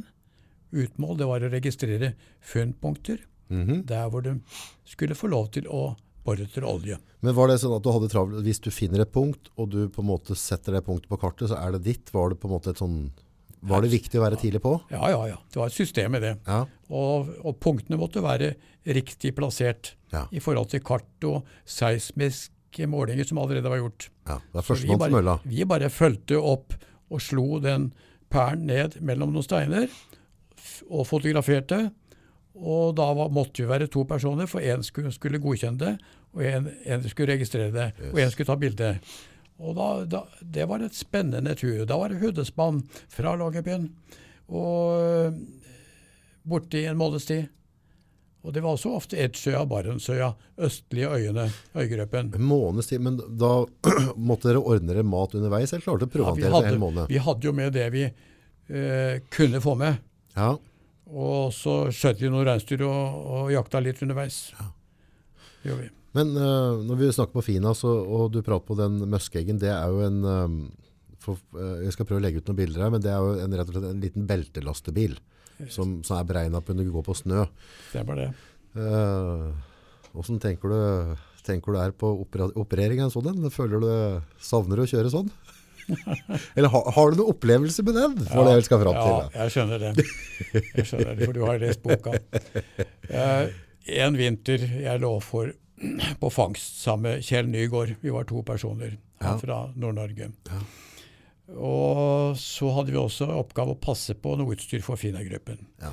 Og da hadde vi ventet på å skulle få flydropp ved juletider. Altså post, postsekker som skulle droppes ned, for de land kunne jo ikke lande. Nei. Det var et fly, en, en eh, Hercules fra Andøya, Oi, kom stor skulle, maskin. skulle slippe ned der. Ja, Det var jo økonomi etter. Altså, de, de brukte noen kroner for å få dette til å skje. ja, ja, vi var heldige og fikk eh, Og stort sett så gikk det bra. Eh, To av sekkene fant vi, den tredje sekken den fant vi ikke. Den forsvant ut i isen. Ja. Men det ble jo noe søppel av dette her da. Og det tok jeg. tenkte nå skal jeg ta viseren med ut på isen, en 700-800 meter ut, og lage et bål. Men Greit å få kjørt i gang motoren litt og Ja da. få, få ja da. gang. Vi, vi brukte jo ikke den uh, viseren i det hele tatt ellers. Den bare sto der. Ja. Men vi hadde den i gang. Vi skulle jo Og da jeg hadde kjørt ut en runde med noe søppel, så skulle jeg inn igjen på land og kjøre ut en ny runde med en, en ny ladning med, med det er pappkartonger og litt forskjellig, og brenne opp. Og da hadde jeg allerede et bål der ute, og det var ca. 700-800 meter fra land. Ja. Og jeg hadde målt istjukkelsen til mørkt. 75 cm. Da hadde jeg isbor Okay. flere steder utover. Ja. Og når jeg kom for andre gangen, så merker jeg at eh, beltene begynner å grave. Så tenkte jeg at jøsse navn, var det så løst her, tenkte jeg. Var det så mye snø her? Og altfor seint så oppdaga jeg det at jeg begynte å gå, beltene begynte å grove seg gjennom isen. Så jeg er på vei ned gjennom isen. Og det var for seint for meg å åpne opp døra, for den Jeg gjorde vel et forsøk på det, men da butta jeg bare is. Så jeg visste at her må jeg bare være med ned helt til dypet. Og bare håpe at det ikke er så dypt at det ikke er muligheten for å komme opp igjen. Og det tenkte jeg underveis. At jeg får bare Hvor mye pust skal jeg ha? Hvor mye luft skal jeg ha i lungene mine Mhm. mens dette skjer? Plutselig merker jeg at jeg står på bunn. Og tenkte at dette var jo ikke så Er det kan ikke, Det kan ikke ha vært så mange meter. Og vannet begynte å stige. Så det kom gradvis Ja da, det var jo, åpen, det var jo en kabin, men den var jo Men han var ikke helt åpen. full når du lå på bunnen allerede. Det gikk gradvis. Det gikk gradvis oppover, og tenkte at hvor du rakk å tenke litt. hvor mye luft Ja, eh, livet passerte revy. Ja. Jeg tenkte jo som så at eh, dette var trist, Reidar. Så tidlig skulle det bli en avslutning på livet mitt. Og hva ville mor og far si når de hørte dette her? Alle tankerekkene gikk gjennom meg. For jeg var er sikker på at denne sjansen min var veldig dårlig. Og så la jeg- Så la jeg da vannet fylles opp, og visste det at jeg får ikke opp døra før vannet er- utligner trykket innifra. Og så drar jeg. Jeg drar vel nesten fulle lunger. Tenkte at skal jeg dra tre kvart, eller skal jeg dra fulle lunger? Og du tenkte såpass klart? Ja, jeg gjorde det. Jeg tenkte klart. Og før vannet går over hodehøyde, så hadde jeg fylt lungene. Og skyver opp døra. Og eh, glir, glir ut av vogna. og Tenker at det får håpe det ikke er så langt opp. Og plutselig så møter jeg isen. Jeg stanger i isen. Og ser opp. Og ser opp i isen, men ingen åpning. Dette er som mareritt. Ingen vet åpning. Ja, det var jo Dette tanke, mareritt. Tankene er jo mareritt. Men det som jeg var så heldig, at jeg var så kald og rolig Jeg hadde ikke trodd jeg skulle kunne reagere på den måten i en sånn situasjon, men det gjorde jeg. Jeg så til og med opp på isen og så Jøss. Yes, Unnifra så var isen vakker. Det var som et kunstverk. Yes. Men det rakk ikke det, det var et brøkdel av et sekund Ja, ja, hvor det gikk gikk ja. gjennom hodet mitt. Og så tenkte jeg at jeg ser jo ikke noe åpning. Hvor er åpningen? Det må jo være noe åpning et sted. Og så dykker jeg ned et par meter og kikker opp. Da ser jeg et svart, lite hull litt lenger bort. Og jeg strever etter å komme bort til det lille hullet. Der hvor saken var den at når iseren gikk ned, så fløt isen opp igjen og tettet. Men det var det lille svarte hullet. Jeg visste at der oppe, der er dagen. Der er natta. Dette var jo mørketid. Der er livet gjennom det hullet. Klarer jeg å komme opp dit? Hvor mange grader var det ute den natta, tror Det du? rundt, 20-30? rundt 20 grader. Og jeg stikker klarer å få en hånd opp, men jeg kjente at her er det jo ikke plass til meg. Men så prøver jeg alt jeg kan, og så klarer jeg å skyve bort en liten is som stenger. Og da klarer jeg plutselig å få hode og skulder opp. Og da ser jeg landskapet inne på land. Og det var det vakreste synet jeg noen gang har sett. Det tror jeg på. Da visste jeg at jeg, Da håpet jeg at jeg fått livet tilbake. Ja, men du skal opp òg. Ja, det er akkurat det. Og poenget var det at da når jeg gikk ned med Wieselen, så var det to isflak som hadde sperret seg mot hverandre. Og det var der det lille hullet var blitt. Og det ene isflaket lå så skrått at jeg klarte å krabbe meg opp til fastisen. Det var som å bli født på ny. Hvor langt var det inn? Og jeg kom inn de 700 meterne klissvåt og Ja, det er 700 meter kliss våt, 20 Inntil minus. Det er en jobb i seg sjøl, det. Og kameraten min han sto der og dro av meg klærne før jeg Jeg klappet jo tenner, jeg klarte ikke å snakke de første, eh, første timene omtrent. Men han skjønte jo hva som hadde skjedd. Så eh, fikk av meg klærne og klarte å få på meg noe tørt. Omsider. Men det var, eh, det var nok den langsiktig verste opplevelse jeg noen gang har hatt. For jeg har hatt andre opplevelser som har vært mer akutt brå. Mm. Da ble jeg ble født på ny. Jeg var helt sikker på at det var Livet som gav igjen. Helt sikker på det. Var uh, Fina glad og fornøyd for at du overlevde, eller var de forbanna for traktoren? Du, nei, faktisk så den uh, traktoren ble plukket opp igjen oh, ja. uh, året etter den og, og kjørt til Tromsø. ja. Og hvor han havnet eller hva som skjedde, det vet jeg ikke. Men iallfall så ble den eh, Den skulle du ha hatt i hagen din. Nei, jeg vil ikke minnes på sånt. Men eh, den fant vi, da lå den på den lå på sju meters dyp. Så jeg hadde sju meter opp fra, Det er ganske langt. Altså, heldigvis så var det såpass grunt. Men sju meter opp, det er ganske langt. Og da skal du jo treffe ganske godt for å finne rek, riktige punktet. Ja, så var det vel sikkert bevegelse i traktoren. Ja, ja, det var det det var, av, vet du. Det var litt bevegelse i den.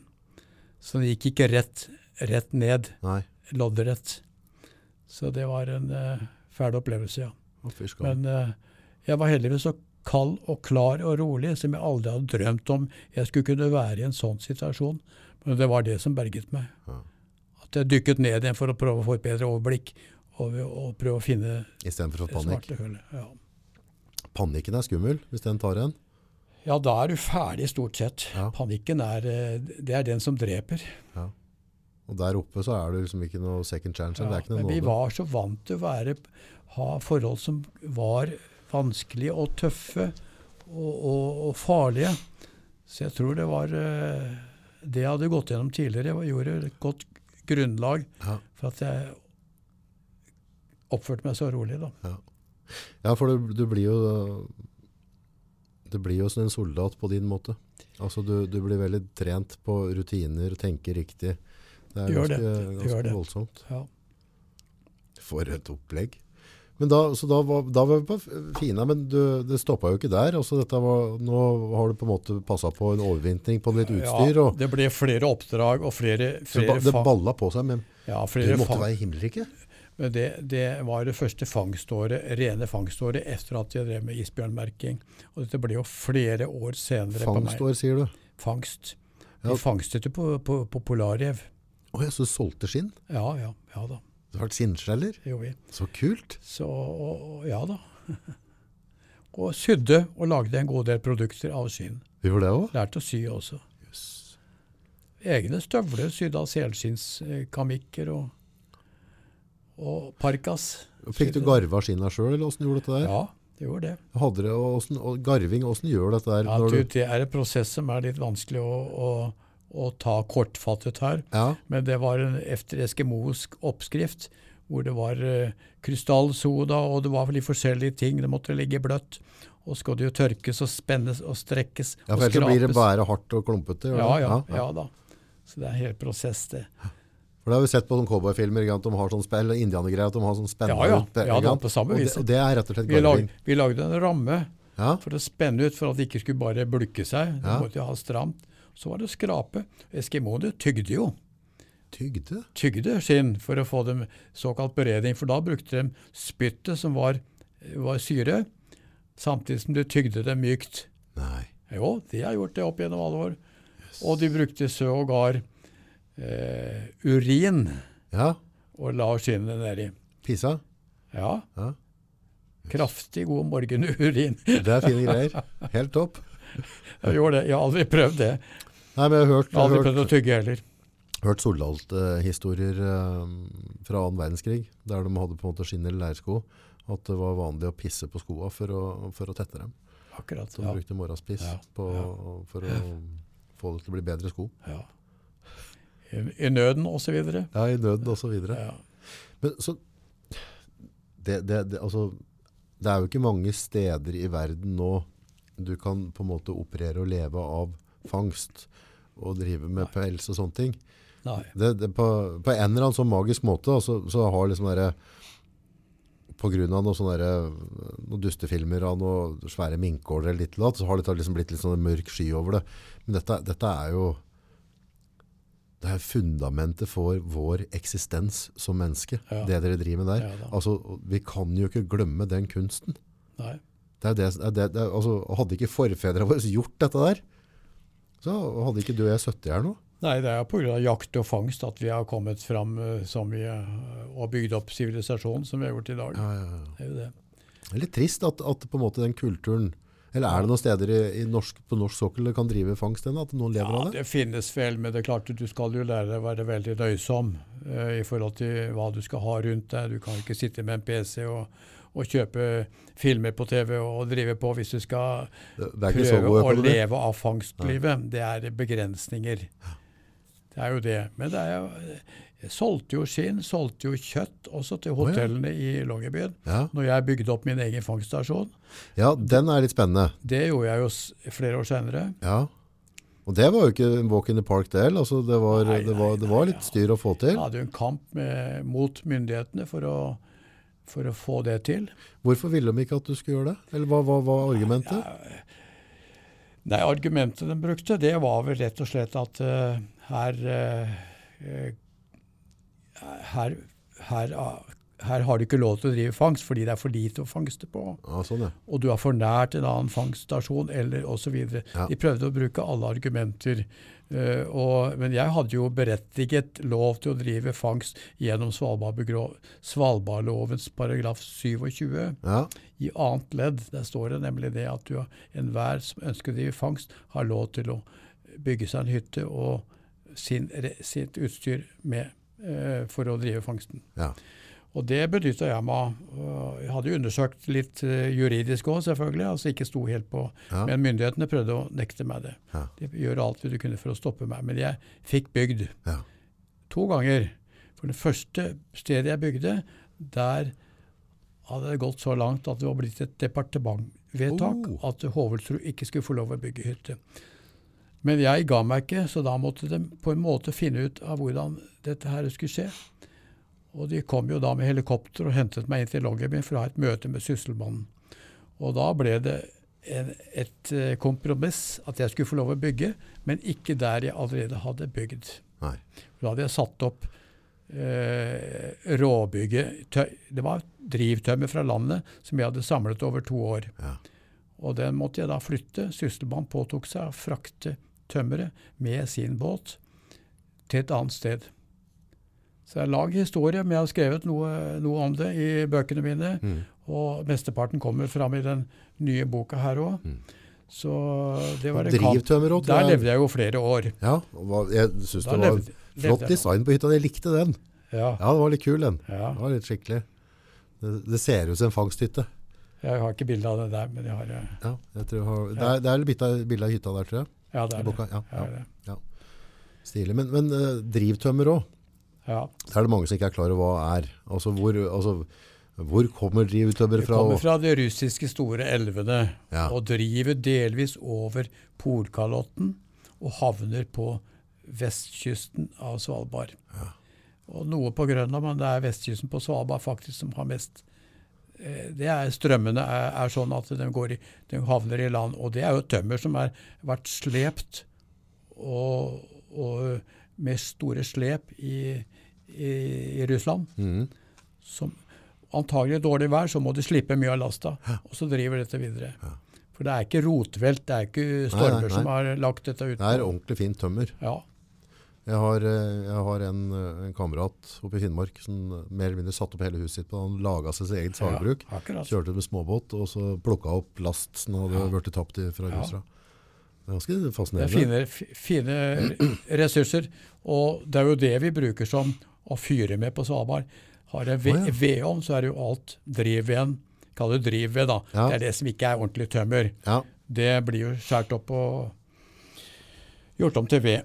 ja for det, på de fangsthyttene da, sånn, eh, for du, du hadde jo på en måte etter hvert når du drev fangst der, og du hadde din egen på en måte hytte, og så hadde du også småhytter rundt. Men Ja. det må jo gå vanvittig mye energi for å bare sørge for at du har nok ved Ja. til å holde varmhet der.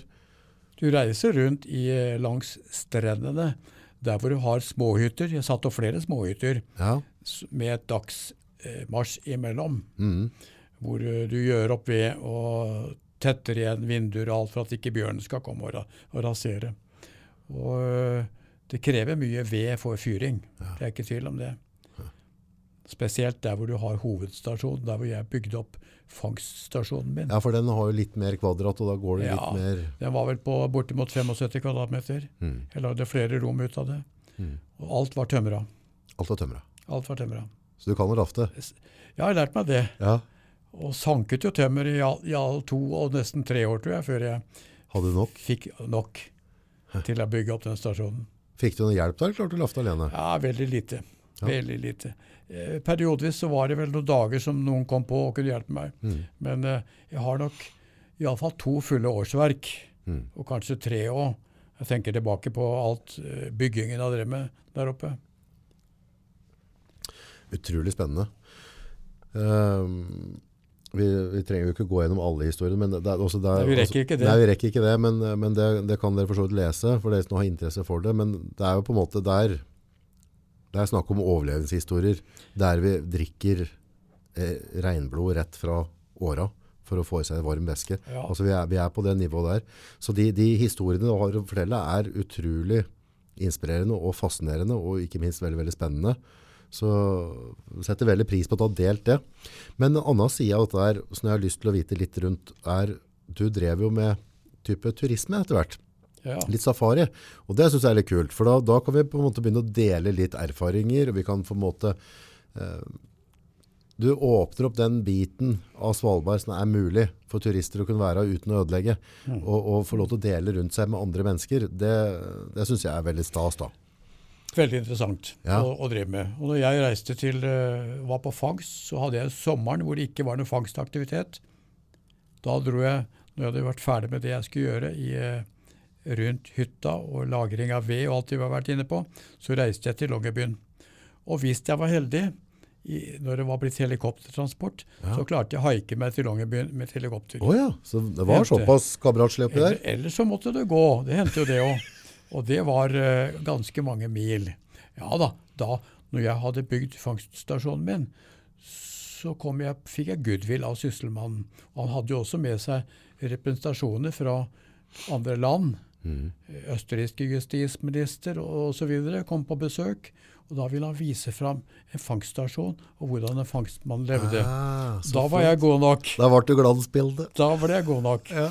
Så da Så gøy da, at det er skifta. Da må jeg også få litt hjelp tilbake. Ja, Og da, eh, hvis dere er i området, så haiker jeg med dere tilbake til Longyearbyen. så bra. Så vi, vi ble litt kamerater etter hvert, så dette var veldig hyggelig å oppleve det fra den siden. Og, Du er da- han der som folk kommer og sier, se på, der går han, se sånn ser det ut, liksom. Du var, du var den sirkusapekatt. Og da, da begynte jeg, fant ut at jeg hadde jo tatt med meg Jeg hadde reist med en Dory, en fangstbåt på 30 par og 30 fot, Ja. med bare 30 hesters motor. ja, og det ser nesten ut som en motorseiler nesten. En litt, sånn litt rar båt, egentlig. Ja, ja. ja. Fra Oslo, eller Oslo 30-foting fra Oslo. og helt opp til nordsiden av Spitsbergen, der hvor jeg begynte å fangste på Austjørneset i 83. Dæven og glad jeg ikke er mora di, altså. Mor di har hatt mange søvnløse netter. Jeg hadde gitt meg opp for, på, lenge før den. Og, nei, det var, og den båten, den, eh, den var jo en spennende tur da. Men eh, den skulle jeg bruke til å frakte turister med. Ah, det var tanken. Ja. Så derfor det drog, men det var tydeligvis ikke mulig å kjøpe noe nærmere Svalbard, så du tok med en fra Oslo. Bare for sånn der, Jeg ville også bruke den som fangstbåt, ja. og den var egnet til det. Ja. Så den hadde, jeg kunne ha reist langt sør i Afrika med samme distansen som jeg gjorde nordover. ja, for, for norskkysten er lang, Det folkens. er lang. Og det er langt fra Tromsø til Bjørnøya og Spitsbergen. Og Spitsbergen Mange døgn bruker du over fra Spitsbergen langs oppover. Jeg brukte vel tre, jeg brukte tre døgn over uten å fra Tromsø over. Ja, jeg tror det var det. Men da måtte du gå banken I åtte alle knop. fall. I hvert fall åtte knop sikkert. Hva sa du? Du måtte i hvert fall gå i en åtte knop da for å klare det på tre Ja, døgn. for det, det er, syv knopp var det maks. For jeg hadde jo med meg redskap som jeg kunne ha til overvintring Ja. om bord i båten. Ja. Og vi var to personer. Da Tre følte jeg trygg på været når det gikk da. Ja, Du prøvde å føle deg trygg på været når det gikk over da, for det, det, det, det er, da kiler det i magen når du vet at ok, nå har vi tre døgn til vi ser landet, folkens. ja, vi var heldige, heldige med været. Vi, vi prøvde å føle litt med været da. Stabil motor, han var Jeg Vi hadde med meg et par mann over på overfarten fra Tromsø. Ja. Motoren var snill, hadde ikke mye rare Ja, lyder. det er veldig mye gammel uh, Bolinder som hadde sittet i en, uh, i en uh, anleggsmaskin. Ja. Og dårlig diesel stoppa jo rett som det var. Så jeg måtte ned og banke litt og slå. Hadde litt maskinerfaring, Ja. så jeg klarte å få den i gang igjen. Han kan jo få paranoia, for han sitter med så gamle motorer, og så hvis du, i hvert fall når du begynner å nærme deg dårlig vær, så sitter du og lytter etter. Hæ? Var det en hosta han litt nå? Var det, er det en liten sånn? Vanskelig å sove når du hører, hører maskinen begynner å få en annen gange. Ja, for han, har jo, han får en rytme, du legger den på et Ja, ja, turtall, og så går den seg inn i sjela, og så hvis Ja, den ja, ja. gjør en eller annen sånn krum krom, så, Helt mm, riktig. Hva er dette for noe liksom? Helt riktig. Å, den er vond. Den er vond. Ja, den er ikke god. Uff. Så Så ble det turister, da. Jeg Ja, annonserte ute på Jeg skaffa meg en større gummibåt òg. Ja, en sånn Zodiac-sak liksom. Zodiac-sak, ja. Ja. Med skikkelig maskinkraft bak. Ja. og annonserte dette her gjennom byråer i Europa og i Sverige. Dette Så jeg fikk suksess. mange, mange turister oppover. Og det var interessante mennesker. Var det, ja? For de hadde seilt De var veldig opptatt av Arktis. Ja. Og de hadde vært på Grønland, de hadde vært i Alaska, og de hadde vært rundt omkring.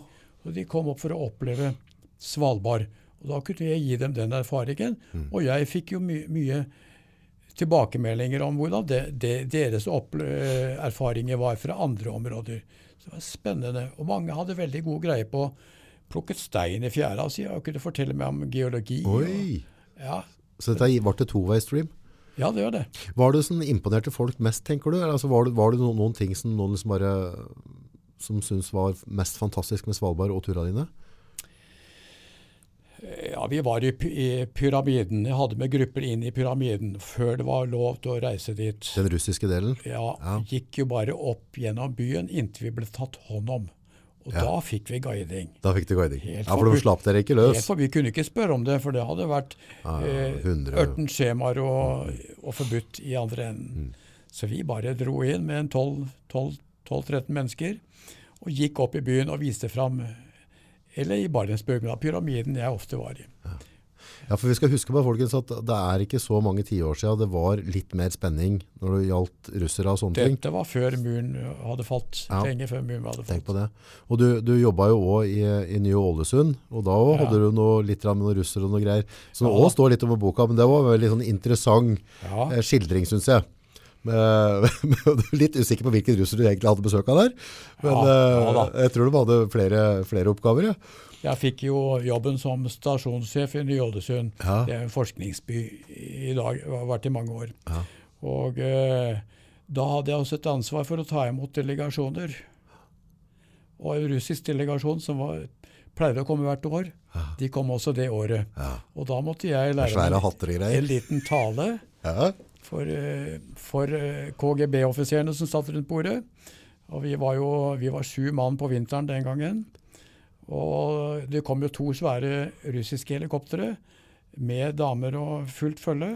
Det er sånne helikoptre som ser ut som sånne, snei, eller sånne bugs, eller, bit, eller sånn gresshopper nesten, vet du. Ja, ja. De er ild røde, og de er store, i- store i kroppen, for ja, si det ja, enkelt. voldsomt. Høye og store. mye. Og vi serverte en god mat, og øh, jeg holdt en liten tale på engelsk som jeg hadde da grua meg veldig til. Ja, ja, ja. Jeg var jo ikke så mer enn, jeg var vel 24 år den gangen. Det var ungdommen ennå. tror ikke jeg var noe mer, eller var 26. Ja, det er okay. Og russerne spurte kan vi få se kraftstasjonen. Ja, sier jeg, det går an å få sett den, sier jeg. Og jeg taua dem litt rundt i byen og viste fram kraftstasjonen. Ja. Og det var ikke så mye farlig å vise fram dem. Nei. Ja, han ville gjerne hadde utbytte av det fordi han var maskiningeniør hjemmefra. Ja, så klart. Så spurte han også ja, kan jeg få se eh, telestasjonen deres, da? Radiostasjonen Ja. deres? Ja, så jeg, det kunne du nok ha fått sett hvis du hadde vært, eh, hvis du hadde vært eh, radiooperatør. Ja. Siden du ikke er det, så kan jeg ikke vise den. ja, jeg tror vi gliste litt begge to, Ja. og fortsatte runden. Men det var god kjemi, eller? Ja da, Ja, det, var, det var ikke noe sånn, det og noe de var veldig opptatt av å notere navn og adresser. og Ja. og eh, jeg ble tilbudt å reise, bli med over og se den russiske isbryteren de hadde. Ja. Jeg husker ikke om det var så langt tilbake at det var Krasin. Det var i hvert fall en av de store russiske Det atomutbryterne den gangen. Atom? Ja, ja, ja. Oi. Men eh, det fikk jeg ikke anledning til, for jeg hadde så mye oppdrag som stasjonssjef i Ny-Ålesund det, Det er trist. For det, det hadde vært. Det, hadde vært, det er noe jeg har tenkt på i etterkant. Ja. Det hadde vært en opplevelse. ja. ja, for det, er sånn once in a lifetime. Ja, ja, ja. Det er, eh, det er noen sånne opplevelser du, du- bare vet du ikke, ikke åpner seg igjen Det var senere. kun meg som fikk spørsmål om det, Ja, ja. og i den posisjonen jeg var i. Ja, tenk på det. Så spennende. Hvordan, er, eh, hvordan ser, eh, kommer du til å sette opp noen nye guida turer? Eller, altså, Nei, jeg er, Nei? Ferdig, jeg er ferdig med det nei, livet. du kan ta noen år til da. Hæ? Nei, nei, nei. nei. Den der kunnskapen du har, den synes jeg er viktig å dele litt på. Også. Jo, men jeg har Ja, du har skrevet bøker jeg da. har er bra. skrevet flere bøker, Ja, da. ja. Så det er jo eh, Og den siste er jo er blitt veldig godt mottatt. Og eh, Ja, den har, den har jo solgt veldig godt, og det skjønner jeg jo. Altså, det er Ja, lesere som skjønner at du vil ha den i hylla, Ja. så det er ikke noe... godt, godt gjennomarbeidet, og den er komprimert i forhold til opplevelser. For såkalt daukjøtt. Første boka mi så ville, hadde jeg nok med mye mer om det livet, men da blir det mer detaljer Ja. som ikke så veldig mange kanskje er interessert i. Andre Jeg, tror, jeg hadde tålt mye, mye mer skrive her. Ja, ja, men- ja, ja, ja, om du hadde dobla den her. ja. Ja, jeg, altså, jeg så for meg snøskavla, jeg så bikkja. Altså, jeg havna inn i din verden der. Ja. Altså, veldig godt skrevet. Bokklubben har jo ikke også kjøpt opp mange, mange bøker. Ja, Så de er vel uh, borte, det òg. Og jeg holdt et foredrag i, på museet i Longyearbyen. Og der, uh, det var i koronatid. ja, Og der møtte de opp uh, de fikk ikke, Vi var i auditoriet, auditoriet til UNIS, universitetet. ja, Og der var det plass til noen og femti. Ja. Og enda sto det mange utenfor som ikke kom, ble sluppet inn. Og det var jo trist, da. Men jeg solgte masse bøker. Ja. Og de har også fortsatt bøker for salg der oppe. da. Hvor er fortaket boka hen? Du, Bokhandlerne de selges jo gjennom bokhandlerne, men da må de bestilles. Mm. Jeg tror ikke de kjøper opp for å ha stående. Nei, Ellers så kan de fås gjennom eh, svalbardpolarliv.com, ja.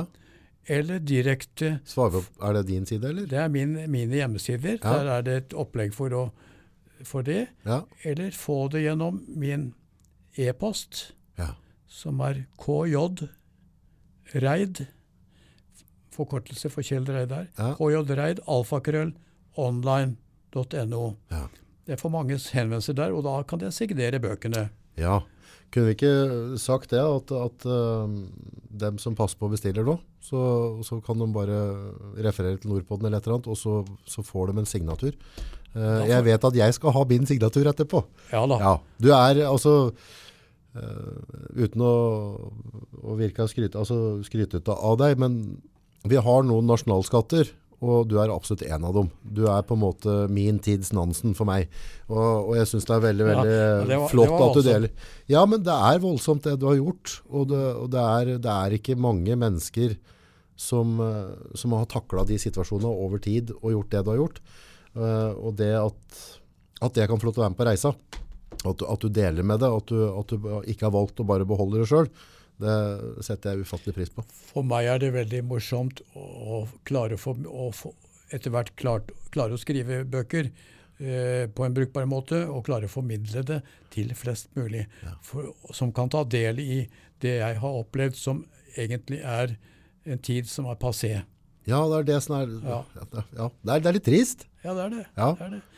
Jeg føler at, liksom, at et samfunn skal være altså Vi skal ha mange forskjellige fargespekter i et samfunn, men å ha de der eh, dem som er ute og forsker, dem som lever ute i pakt med naturen, at vi lever av fangst, altså grunnlaget for eksistensen vår nå i dag, at vi holder de tradisjonene i hevd, og deler på det erfaringen, det er veldig, veldig viktig. Vi Mm. Skal veld- ikke glemme vår historie.